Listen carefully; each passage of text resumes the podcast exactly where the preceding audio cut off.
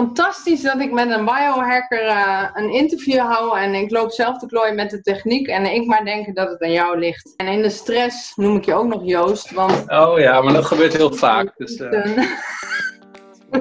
Welkom beste luisteraar bij de podcast van Inspire to Teach, waar leren inspireert. En in deze podcast interview ik Peter Joosten.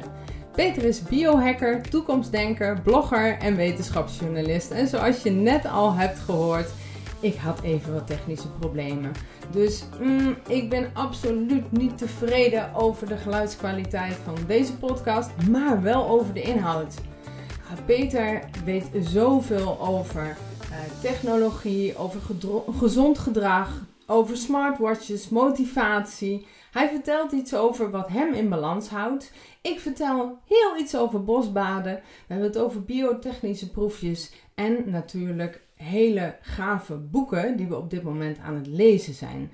Dus check ook even de show notes. Op de website inspiretoteach.nl vind je een kopje gratis. Daar vind je de podcasts. En als je denkt, hè, welke boeken, waar hadden ze het nou over? Of je wil connecten met Peter, dan vind je daar alle linkjes. Dus check gerust even die pagina. En ik wens je heel veel plezier bij deze podcast. Ik wil je hartelijk welkom heten, Peter. Uh, Dankjewel. In podcast. Hartstikke tof. Ja, ja dus uh, ja, ik kijk echt uit naar dit gesprek. Ik heb een uh, smartwatch gekocht. En dat is echt jouw ding maar volgens mij. Maar daar hebben we het zo meteen wel over. Dus uh, het is even een kleine teaser voor de mensen die al een beetje nieuwsgierig zijn. We hebben Peter Joosten in de podcast. En uh, mijn startvraag is altijd: welke leerkracht vergeet je nooit meer en waarom? Dus vertel Peter. Nou, dat was op de middelbare school. Uh, dat was uh, mevrouw van het Woud. En ik vergeet haar nooit meer, omdat ze, ze gaf geschiedenisles. En ik, ja, ik voel, iedereen was gek op, op die les, omdat ze gewoon heel goed was in het, in het vertellen van verhalen. Dus dat is eigenlijk uh, ja, ik had gewoon altijd zin in die les, omdat zij gewoon de geschiedenis heel levendig kon maken. Doordat je ja, je als het ware echt kon verplaatsen in, in de mensen, in, in de prehistorie of in, in uh, oude antieke tijden of in de middeleeuwen. Dus dat, dat blijft me altijd bij. Oh, te gek. Dus echt uh, ja, de aandacht kunnen trekken van de leerlingen door goede verhalen te vertellen. Exact, ja. Fantastisch, mooi. hey, um, Peter, vertel, wie ben je eigenlijk en wat doe jij hier in deze podcast? ik, uh, ik, ik, heb niet echt één stempeltje die ik op mezelf kan drukken. Dus ik noem mezelf uh, biohacker, toekomstdenker. Ik ben ook wetenschapsjournalist. En ik ben eigenlijk ehm, iets van vijf jaar geleden begonnen met, met bloggen. En dat deed ik aan de hand omdat ik uh, heel geïnteresseerd was in, uh, in van die uh, smartwatches. Dus jij hebt ook net een nieuwe. Nou, ik, ik was daar echt helemaal. ik vond sporten leuk, nog steeds, maar ik vond vooral die smartwatches leuk. En toen ben ik daarover gaan schrijven. Dus gaan reviews gaan maken en, en dat die dingen gaan testen. En dat is een beetje uit de hand gelopen, want ik deed dat denk ik een paar maanden. En toen werd ik al gevraagd door een ziekenhuis in, in Veldhoven, het Maxima Medisch Centrum. Die zeiden van Um, want ik schreef ook al een beetje over wat zou dat nog meer voor impact kunnen hebben. En toen belde het ziekenhuis mij dus en die zei van ja, wat als nou patiënten ook wel dat soort data gaan gebruiken. En wij organiseren binnenkort een, uh, een, een, een, publieksdag dus samen met ASML. En wil jij komen spreken als het jij bent de patiënt uit de toekomst die allemaal dingen meet en dat soort dingen. En, en toen is het balletje gaan rollen en toen heb ik echt, ja, echt van mijn hobby mijn werk gemaakt. Dus ik ben nu fulltime spreker, adviseur, workshops op het gebied, niet op het gebied van alleen meten moet ik zeggen, maar ook over uh, ja, wat meer radicalere vormen van uh, technologie in het lichaam of het lichaam aan te passen. Dus dat is eigenlijk mijn fascinatie.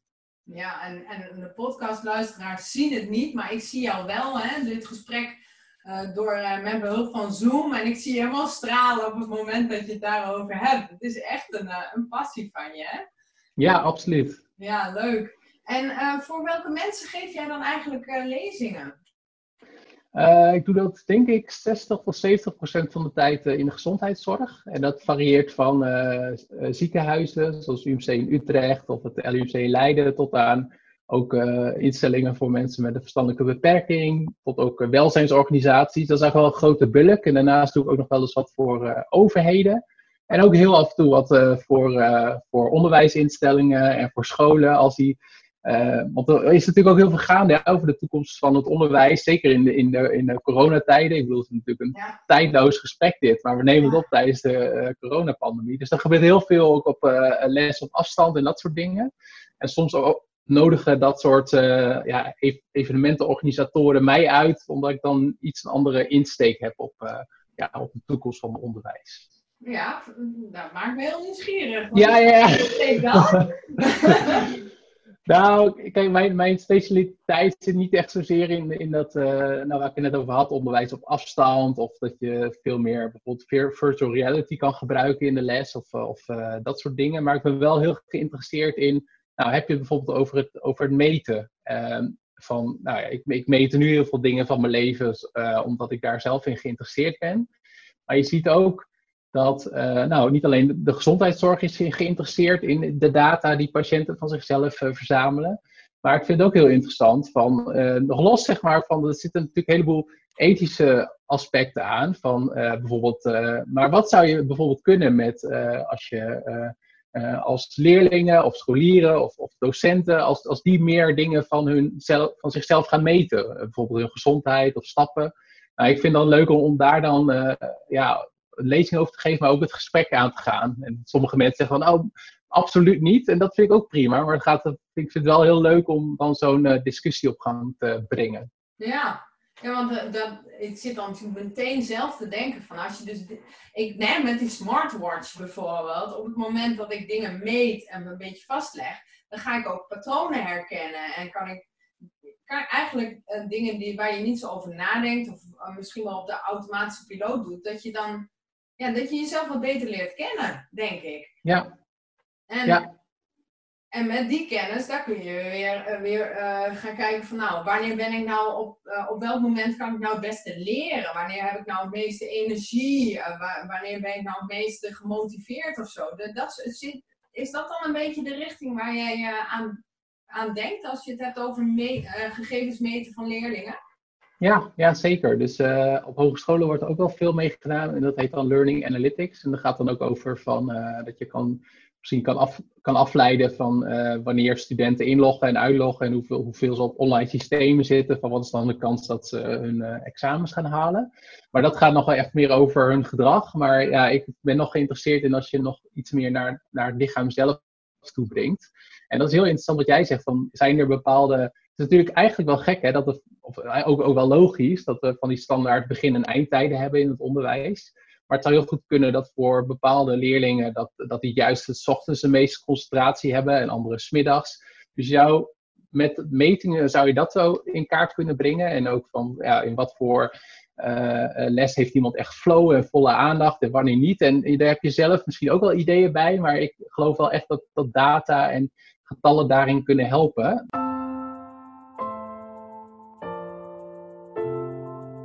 En iets anders waar ik aan dacht is, uh, ik was een tijdje terug ook bij Editie NL. En dat ging erover dat ze uh, ook smartwatches inzetten om corona te voorspellen. Omdat die dan, dus je kan ook bijvoorbeeld, uh, het lijkt me ook heel handig als dat kan, hè, dat je alle waarschuwing krijgt van, nou, Jantje kan beter, die krijgt Jantje of zijn ouders krijgen dat dan.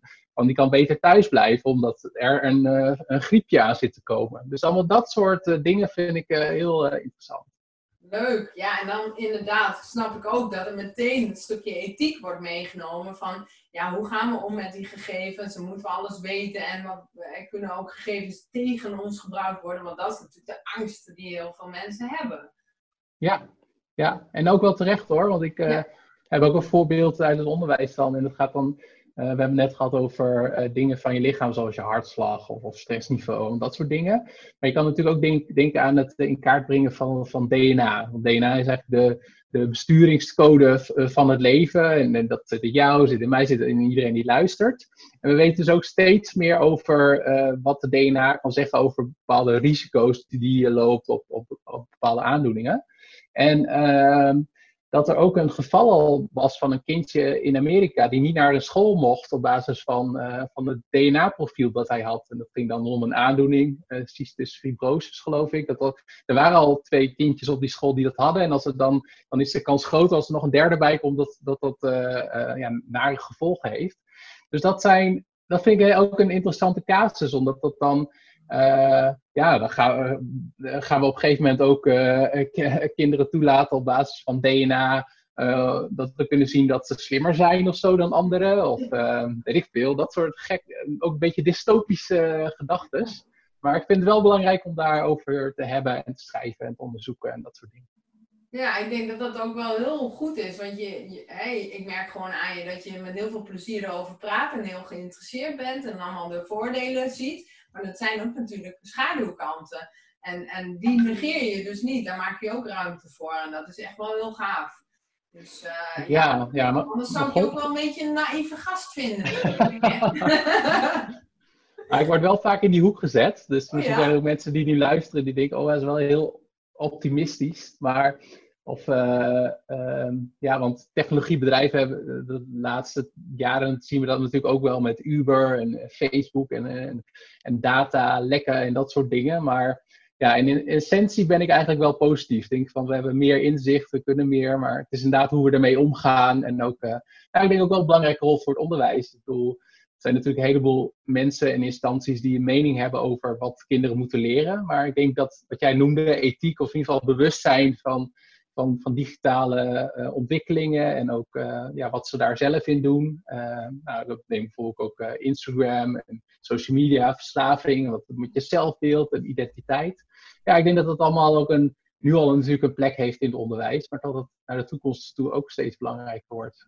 Ja, ja het is inderdaad wel de bedoeling dat we in het onderwijs het ook over internetveiligheid hebben en, en hoe ga je daarmee om en uh, wat zijn gevaren en dergelijke. Maar ik, in de praktijk denk ik wel dat daar te weinig aandacht voor is. En als ik heel eerlijk naar mezelf kijk, denk ik ook, ja, wat weet ik nou eigenlijk echt over het onderwerp? Want ik heb me daar wel, je leest er wat over, je hoort er wat over, je hebt gesprekken over met mensen, maar ja, wat is nu echt waar? En dan heb ik toch heel graag gastsprekers, zoals jij.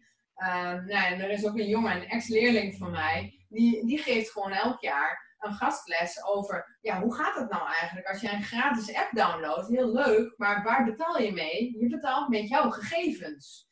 Uh, dus, en wil je dat? En uh, wie leest de voorwaarden? En dat soort dingen. Dat zijn hele interessante dingen. Ja. Dus, uh, en zeker jij ehm, met jouw onderwerp, dat, is, dat lijkt mij en voor docenten, maar ook zeker voor leerlingen heel interessant. Als jij eens een praatje maakt over, ja, wat, wat speelt er nu? En um, ja, wat, wat kunnen we nou eigenlijk met, met die technologie? En ook een klein beetje uh, een kijkje in de toekomst. Ja, ja, nee, absoluut. En dat vind ik altijd leuk om, uh, ja, leuk om te doen en ook om de, ja, te, te horen hoe, hoe, leerlingen en, en docenten daar zelf in staan.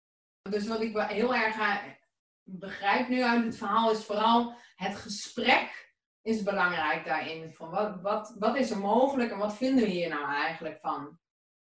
Ja, ja, inderdaad. Want ik, uh, er zijn natuurlijk wel uh, ook collega-sprekers uh, die iets stelliger zijn in hoe bepaalde ontwikkelingen in de toekomst eruit zien. Maar ik ben er zelf wel wat voorzichtig in, omdat we neem bijvoorbeeld de, de coronapandemie. Er waren wel mensen die zeiden van dat gaat ooit, zoiets gaat een keer gebeuren. Maar ja, ik was eigenlijk net zo verrast als de meeste mensen in Nederland en overal ter wereld dat het nu zo is. En, en ook, het is ook wel lastig, ook zeker in deze wereld, om te voorspellen hoe sommige dingen tot uiting komen. Want die, uh, ja, zo'n pandemie heeft alweer impact op, op de gezondheidszorg en, en uh, de economie. En dat, dat kunnen, kunnen, ook, kunnen elkaar dingen weer beïnvloeden. En misschien ook op, op, op hoe wij met elkaar omgaan. Misschien is de zogenaamde anderhalve meter samenleving in de toekomst gewoon het nieuwe normaal. En denken van, ja, dat is hoe... Dus allemaal dat soort dingen vind ik wel... Uh, maar het is belangrijk wat jij ook zegt van, ja, volgens mij is het meer... Je kan je er wel op voorbereiden door al over scenario's te hebben of voorbeelden laten zien. En dan ja, te zeggen van wat, wat je ervan vindt en waarom. En nou, dat soort uh, oefeningen vind ik heel belangrijk om te doen.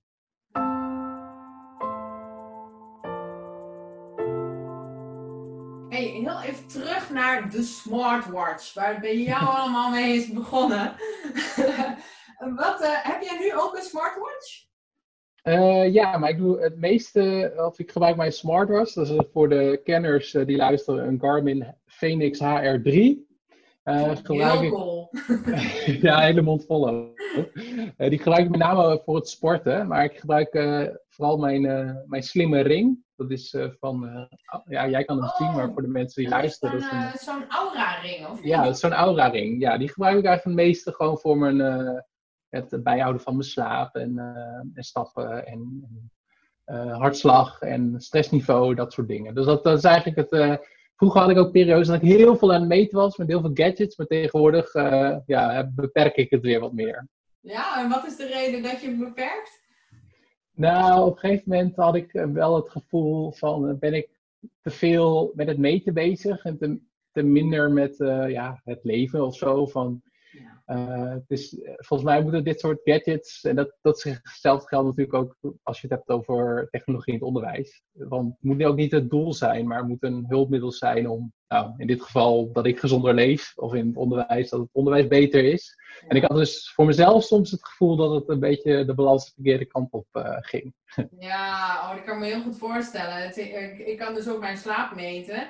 Maar dat, dat doe ik niet. Ik, tenminste, ik kijk daar niet op. Want ik merkte dat ik uh, soms, nou, dan had ik minder geslapen dan ik eigenlijk wilde.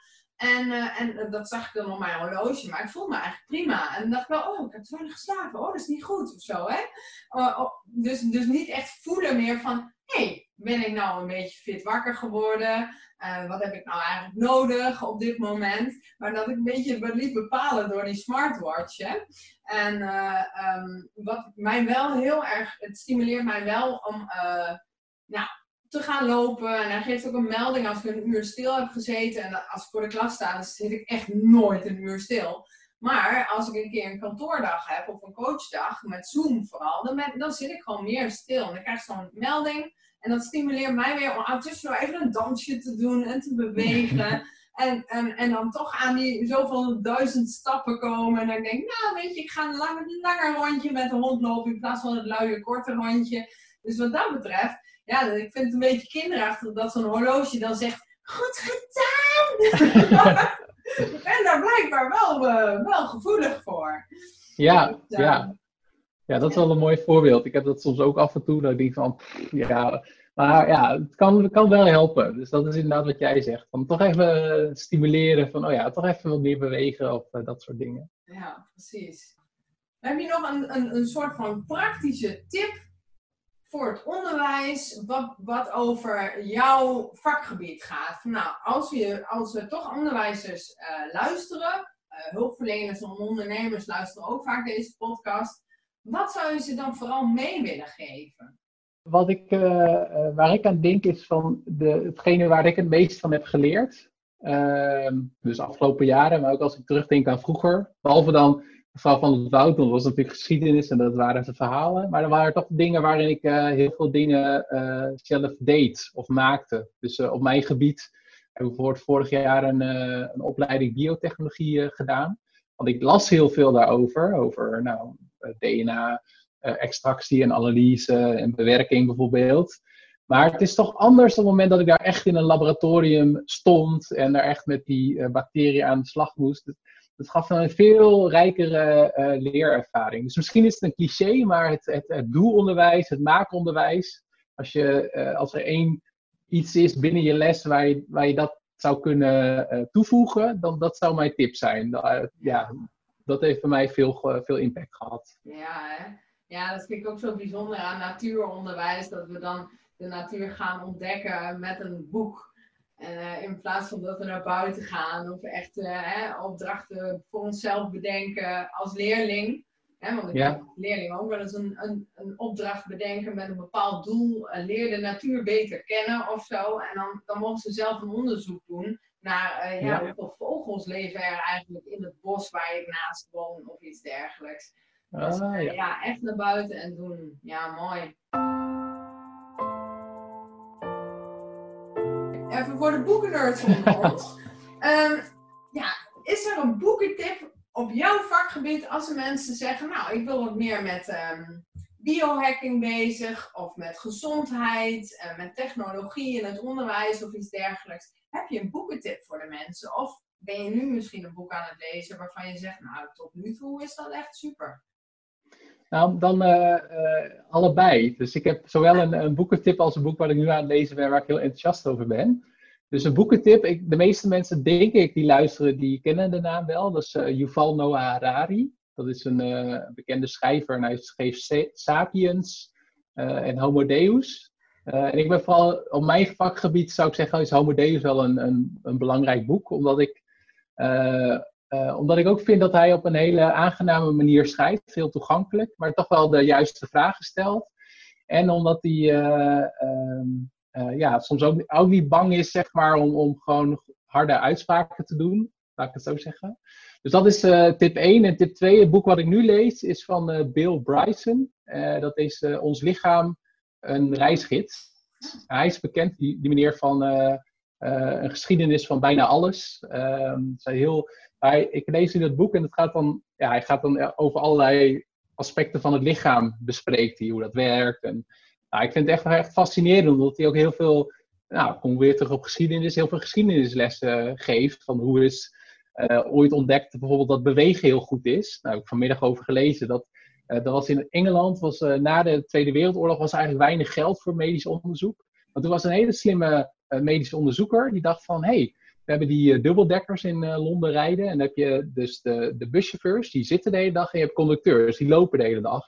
En toen heeft hij voor al die andere variabelen heeft hij als daar, daar rekening mee gehouden. En toen kwam hij achter dat die chauffeurs die dus de hele tijd zaten, dat die 30% meer kans hadden op uh, hart- en vaatziekten. Dus dat, dat was zeg maar het begin dat we nu ook steeds, nou, waar we net over hadden, waar we net over hadden dat belang van ook genoeg bewegen. Nou, dat is dan zo, nou, ik kan echt niet over van dat soort type verhalen. Dus dat is uh, de oh, tweede tip. Gaaf. Ja, Erik Scherler zegt daar ook hele mooie dingen over. Hè? Dat het bewegen heel goed is voor het brein natuurlijk. Dus niet alleen het hele, maar ja, het brein is natuurlijk ook gewoon een onderdeel, een heel belangrijk onderdeel van het lichaam. Wat grappig, want uh, de, de um, schrijver van Homo Deus, ik heb dus nog wel moeite om zijn naam uit te spreken. Ik ben nu de 21 uh, lessen voor de 21ste eeuw aan het uh, lezen. En um, de vorige podcast-interview uh, was um, van Jason van Creatief Denken. En die was dus ook een boek van hem aan het lezen. Die had het over Sapiens, als ik me dat goed herinner. Ah, kijk. Dus jij komt ook weer met wat leuks. Maar um, ja, ons lichaam, een reisgids, dat klinkt inderdaad wel heel erg leuk. Heel interessant. Ja, ja. echt wel, uh, ja, je had zo biologieleraar kunnen worden. Wat... Achteraf wel, ja. Zoveel interesse. Ja, leuk. Super. hey, um, maar uh, jij zit nu in mijn podcast, maar jij hebt toch ook een podcast? Ja, klopt. Ik, uh, mijn podcast heet Biohacking Impact. En nou, het is in mei, juni 2020 krijg ik ook de honderdste aflevering. Dat is eigenlijk wel bizar, maar uh, want toen ik daarmee begon had ik nooit het idee dat ik zo ver zou komen. Maar ja, ik ben gewoon begonnen. En uh, in het begin, ik weet niet of jij dat ook al had, ik echt zoiets van, nou, wie ben ik nou om een podcast te hebben en wie gaat er naar luisteren?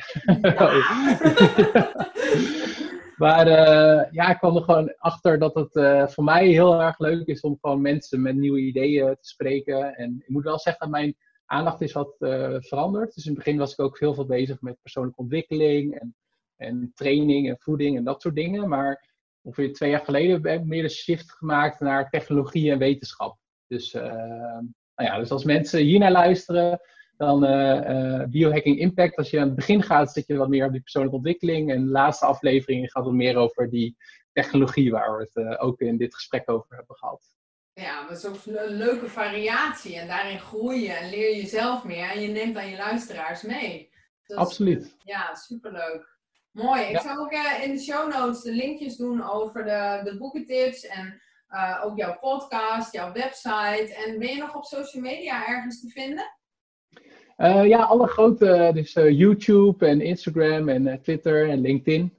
ik zit alleen niet op TikTok, maar nou, voor de rest allemaal wel. ik ook niet. Ik dacht, moet ik dat nou doen of niet? Maar ik dacht, oh, er moet weer iets erbij. Ja, precies. Dat je moet bijhouden. En uh, laat ik dat nou maar niet doen. Wie weet krijg ik er ooit spijt van. Maar ja, moet je nou met alle trends meedoen, hè? En een beetje ja. En, en, en af en toe het gewoon niet doen en niet mee willen doen. En uh, ik kreeg gewoon een klein beetje last van FOMO, hè? fear of missing out. Ja, ja. moet je nou wat? Nee, niet doen, Mariska. Ga lekker genieten van de vogeltjes in je tuin. En dat is ook waardevol in plaats van dat je nog een keertje met TikTok bezig gaat. Ja, absoluut, absoluut. Uh, super, hè. Ehm, nee, je hebt al echt hele gave dingen uh, gezegd. En um, als, er nou, uh, als er nou leerlingen en studenten zouden, zouden luisteren, wat, welke gadget zou jij hen aanraden? Of misschien wel ook docenten en, en andere luisteraars? Wat is er nou waarvan jij zegt, nou dat is zo super cool, dat moet je gewoon hebben? Nou, ik moet zeggen dat ik ook best wel veel mails krijg met leerlingen die, of studenten die een profielwerkstuk doen of hun afstudeeronderzoek. en dan gaan de meeste vragen eigenlijk over DNA en DNA-bewerking. Ehm, dus ik zou kijken of, of, of je daar een testje mee kan doen, misschien ook binnen de klas. je kan online kun je van die ja, biotechnologische proefjes kun je gewoon bestellen om daarmee aan de slag te gaan. En het voordeel is dat je dat ook met een groepje kan doen. Dus uh, daar zou ik mee starten. Maar biotechnologische proefjes, waar heb je het nou over? Ja, dan weet je iets over je DNA of zo? Vertel. Ja, ja, dat kan ook, maar dat zou ik niet, dat zou ik niet per se mee starten. Ehm, maar een van de dingen die ik heb gedaan is bijvoorbeeld dat je kan, DNA kan knippen in bepaalde bacteriën. Dus dat is een pakketje van Biorad, dus het B-I-O-R-A-D. En die hebben wel veel meer van dat soort ja, proefjes met een handleiding erbij. En die kun je dan gewoon in de klas doen of gewoon zelf doen. En ook anders kun je ook terecht bij verschillende open wet labs. Dus je kent misschien wel de computerhackers komen bij elkaar in, in zogenaamde hackerspaces. Maar die heb je ook voor biologie en biotechnologie. En er zit eentje in Amsterdam en ook een in Groningen en Eindhoven. En dan kun je daar ook terecht voor dat soort experimentjes. Dus dat zou eigenlijk mijn tip zijn. Oké, dus dan leren de kinderen een beetje van hoe kun je nou DNA ergens uithalen en dan knippen? Okay. Ja, ja. Is dat ja, dan ook knippen, hè? Voor mensen die niet, niks van biologie weten en een wiskundedocent zijn of zo. Wat, wat, hoe, wat, wat is dat dan, dat knippen van DNA? Ja, dat is eigenlijk, uh, uh, sowieso is het natuurlijk wel lastig, hè, omdat je het eigenlijk niet kan zien. Uh, maar wat je dan doet, is je hebt een, uh, een bepaalde vloeistof en daar doe je andere enzymen bij. En die enzymen die zijn, uh, die kunnen dat knippen en door middel van een bepaalde kleur kun je dan zien of het gelukt is of niet. Dus wat er eigenlijk gebeurt is dat, dat DNA is ook een soort van molecuul.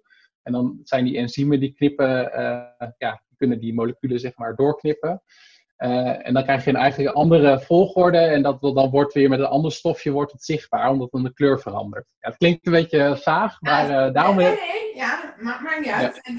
Je kunt dan iets helderder krijgen, maar ik zit ja. meteen aan klonen en zo te denken. Ga je dan, ga je dan iets broeden? Ja, ja dat uh, dan heb je het echt nog wel over een paar stapjes verder. En heb je wel meer kennis en hulpmiddelen nodig. Maar in ieder geval die basiskennis van wat er al kan, is denk ik wel best wel interessant. Ja, leuk hoor. Ja, dat is dus echt weer zo'n mooi doen-les. Doe-les. Ja, super gaaf. Nou, ik ga het eens even opzoeken, want wellicht is dat voor mijn groep 8 ook ontzettend interessant om daarmee mee bezig te zijn. Dus dat ga ik zeker Even uh, voor een mooie natuurlijke ah. doelles. Super. Leuk. Ik ben uh, natuurlijk uh, mindfulness trainer, ik ben coach. veel docenten, hulpverleners die bij mij komen zitten in een burn-out of herstellende of willen preventief werken. Um, en daar is het woord balans, komt dan heel vaak voor, stress, nou, en dat soort zaken. Maar wat doe jij eigenlijk om in balans te blijven in, nou ja, alle drukke bezigheden. Nou ja, nu met corona is het een beetje een gekke wereld. Maar en wat werkt voor jou heel goed om in balans te blijven? Um, eigenlijk drie dingen. De eerste is uh, dat ik, uh, we hadden het over de Yuval Noah Harari. En die doet elke ochtend één uur mediteren en elke avond één uur mediteren. Nou, dat doe ik niet. Maar ik doe wel uh, s ochtends een kwartier en s'avonds tien minuten sinds kort. En dat is voelde in het begin best wel als uh, ja, heftig. Al denk ik van ja, wat is dat nou? Maar dat ik, word, ik merk dat ik er beter van slaap en dat ik wat meer overzicht heb. het tweede is dat ik tegenwoordig ook in een, in een dagboekje schrijf. Ook maar 10 minuten s ochtends. En dat dat ook gewoon opschrijven wat op dat moment in me opkomt. Dat dat ook helpt om ja, wat meer balans of perspectief te hebben. En het derde waar ik wel echt fan van ben is, nou, zeker nu ook in coronatijd, is het best wel veel achter de computer dat ik het ook lekker vind om uh, nou, einde van de dag uh, te gaan hardlopen. En uh, voorheen was ik altijd meer van de, nou, gewoon op de straat lopen en dan ook 10 kilometers en dat soort dingen. Maar sinds twee jaar heb ik trailruns ontdekt. En dat je dan in een natuurgebied gaat lopen. En nou, ik kom daar echt wel van tot rust. Dat je gewoon minder ook met de tijd bezig bent. Dus dat, is wel grappig ten opzichte van die meten en smartwatches en dat soort dingen.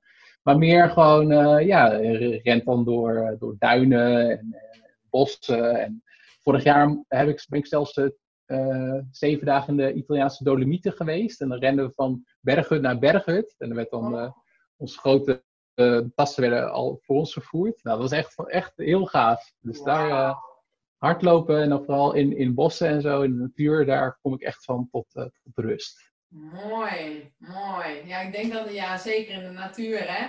Uh, als je wat uh, leert over bosbaden, um, dus langere tijd in het bos, uh, zijn ook, ja, de bomen die, die stoten ook stofjes uit. En die zijn weer heel goed voor ons immuunsysteem. En dan, ja, nou als je boeken over bosbaden gaat lezen, wordt het nog beter uitgelegd. dat is ook een reden waarom het, dus, ja, waarom het eigenlijk goed voor ons is om in de natuur te zijn, zoveel mogelijk.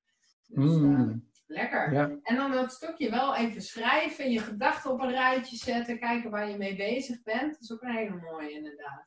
En dan mediteren gewoon, pot verdikken. Maar dat is heftig in het begin, hè? Tenminste, ja. niet voor iedereen. Maar mensen die het niet gewend zijn en een beetje zo'n uh, een, een drukke mind hebben en creatief en ja, eigenlijk heel veel in de do-modus zijn. Uh, ja, die, die komen zichzelf tegen. Dat had ik ook hoor. Toen ik jaren geleden voor het eerst mediteerde, dacht ik, jeetje, wat is dit? Allemaal oordelen over mezelf natuurlijk. En uh, ja, daar moest ik echt wel aan wennen. Uh, de drukte in mijn hoofd en de onrust. En dat, dat ik echt zoiets had van na één, één minuut van, nou, ik vind het wel goed geweest. ik ga weer verder. Dan toch door dat onaangename heen. En ik merk nu wel dat ja, je na jarenlang mediteren, dat, dat, dat je sneller in zo'n staat van rust komt. En veel bewuster bent van jezelf. Dat je weet wat je denkt, wat je doet en wat je voelt. Nou, heel, waardevol. Maar jij, Want jij zei ook van uh, door, door, mediteren, uh, je slaapt wat beter, maar je krijgt ook wat meer overzicht. En, wat bedoel je daar dan precies mee? Nou, soms is het zo, dan uh, word ik wakker en dan denk ik, oh, ik moet dit nog doen, ik moet dat nog doen. En dan, uh, dan ga ik mediteren en dan gebeurt er nog steeds door in mijn hoofd. Dat mijn gedachten alle kanten op vliegen. Maar dan denk ik weer, oh ja, weer even terug naar de ademhaling. Weer. En dan, dan lost het als het ware een soort van, ja, hoe kan ik het omschrijven? Lost het in de achterkant van mijn hoofd, lost het een beetje op als, als in wolken. En dan krijg ik ook gewoon meer rust. En ja, dan, uh, dat is voor, vooral mentale overzicht. Niet, niet zeg maar dat ik dan, dan gelijk de structuur bedenk of zo, juist niet. Maar meer gewoon mijn eigen, ja, uh, uh, eigen, de rust in mijn eigen hoofd, die dat soort van ja, ruimte en overzicht biedt. Ja, ja ik, ik krijg meteen een beeld van uh, een kip zonder kop. En misschien komt dat omdat wij echt net vandaag kippen hebben gekregen. Dus, uh, ah. maar een kip zonder kop zo, oh ik moet nog wat doen. En dan op een gegeven moment, oh wacht even, wat. Ja, ja ik, ik merk dat ik iets meer focus heb en dat ik, dat ik wel helderder kan nadenken. Dus die, die, uh, die, die onrust, die, die zakte inderdaad. En dan, dan kan ik wat beter uh, nadenken over, nou, wat is op dit moment belangrijk als ik eenmaal klaar ben met die meditatie. Dan lukt dat beter hmm. dan wanneer ik niet ga zitten en gewoon maar ga doen. Ja, precies. En ik daarmee en dan denk ik, oh, dat nou ook nog. En dan ga ik daar verder. En, al die tabbladen open op je computer. Ja. Je kent het wel. Ja, Herkenbaar, ja. ja. Oké, hey um, Peter, um, ja, ik wil je eigenlijk vragen of ik nog iets ben vergeten jou te vragen. Had ik je nog een vraag uh, moeten stellen of heb, ben ik nog ergens niet uh, diep genoeg heen doorgegaan? Nou, nee, volgens mij hebben we alle, uh, alle aspecten wel, wel gehad. Zowel over de te technologie als ook over zeg maar, meer die, die balans en, en mindfulness. Dus nee, ik vond het een superleuk gesprek. Volgens mij hebben we alles, uh, hebben we alles wel behandeld. Nou, mooi. Ja, ik denk ook, dit is, deze podcast is ook zeker bedoeld qua inspiratie voor nou, weet je, wat, wat is het nou wat, Peter te, te, bieden heeft? En dan nodig ik de luisteraars graag uit om. Nou ja, ik, uh, ik heb net ook nog eventjes weer op je YouTube-kanaal gekeken. En er staan zoveel gave video's op. En, en die podcast, zo gevarieerd, zulke mooie gesprekken. Dus ik zou zeker zeggen, vind je dit uh, interessant? Hè? Persoonlijke ontwikkeling, uh, maar ook een stukje technologie, biohacking. Nou, ga dan zeker naar de podcast van Peter. En um, in de show notes staan alle linkjes, dus dan kun je me heel makkelijk vinden. Dus dat, uh, ja, ik zou zeggen, heel veel plezier, beste luisteraars. uh, en dan, uh, ja, dan wil ik jou ontzettend bedanken voor ja, de tijd die je hebt genomen om met mij in gesprek te gaan. Ja, jij bedankt Mariska. Ik vond leuke vragen en een ja, leuk open gesprek. Dus ja, cool. Nou, mooi. Dankjewel.